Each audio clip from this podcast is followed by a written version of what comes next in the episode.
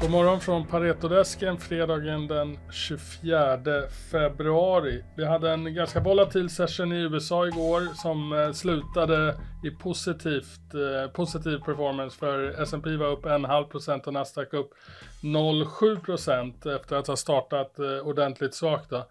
Eh, marknaden håller fortfarande på att smälta lite med de här uh, budskapet som vi fick från eh, uh, FOMC Minutes uh, som kom ut i onsdags och vad det kan tänkas innebära för, för fortsatta räntehöjningar. Vi har satt en väldigt, sett en, en ordentlig ökning utav yields under februari och det har, har haft en negativ påverkan på börserna.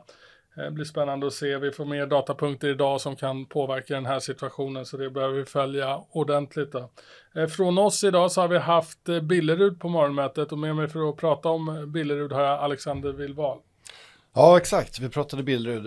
Um,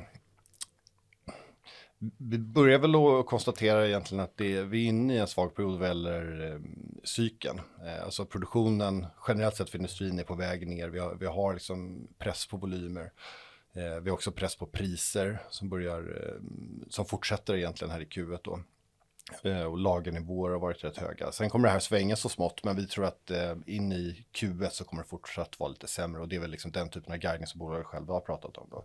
Så att det, det, är, det är backdrop. Och sen så, det som har hänt i Billerud senaste året, det är ju förra årets stora förvärv i USA.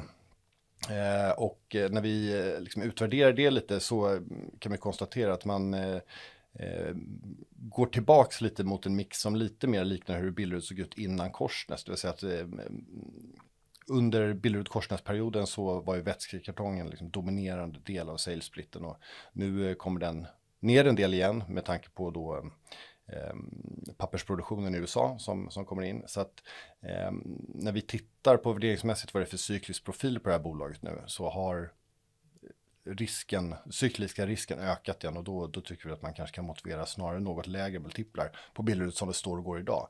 Sen så kommer temat inför 2023 vara såklart om eh, eller när de eh, tar eh, investeringsbeslutet i USA om att konvertera de här maskinerna.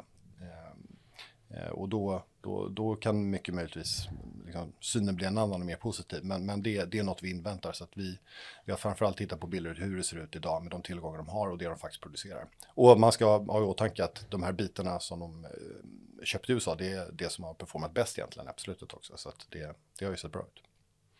Bra.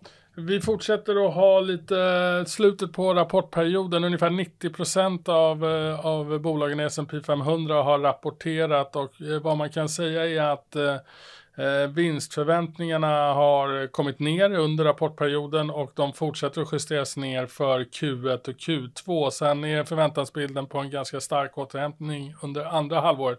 Och det här implicit indikerar ju en ganska mjuk eh, landning då. Eh, så det är någonting som också är intressant att följa framöver. Men kommentarer från bolagen har överlag varit åt det negativa hållet, eh, åtminstone för, för de kommande två kvartalen. Så vi kommer se fortsatta vinstfall under första halvåret 2023. Det var allt eh, från oss denna fredag. Ha en bra dag och en trevlig helg så hörs vi igen på måndag. Tack!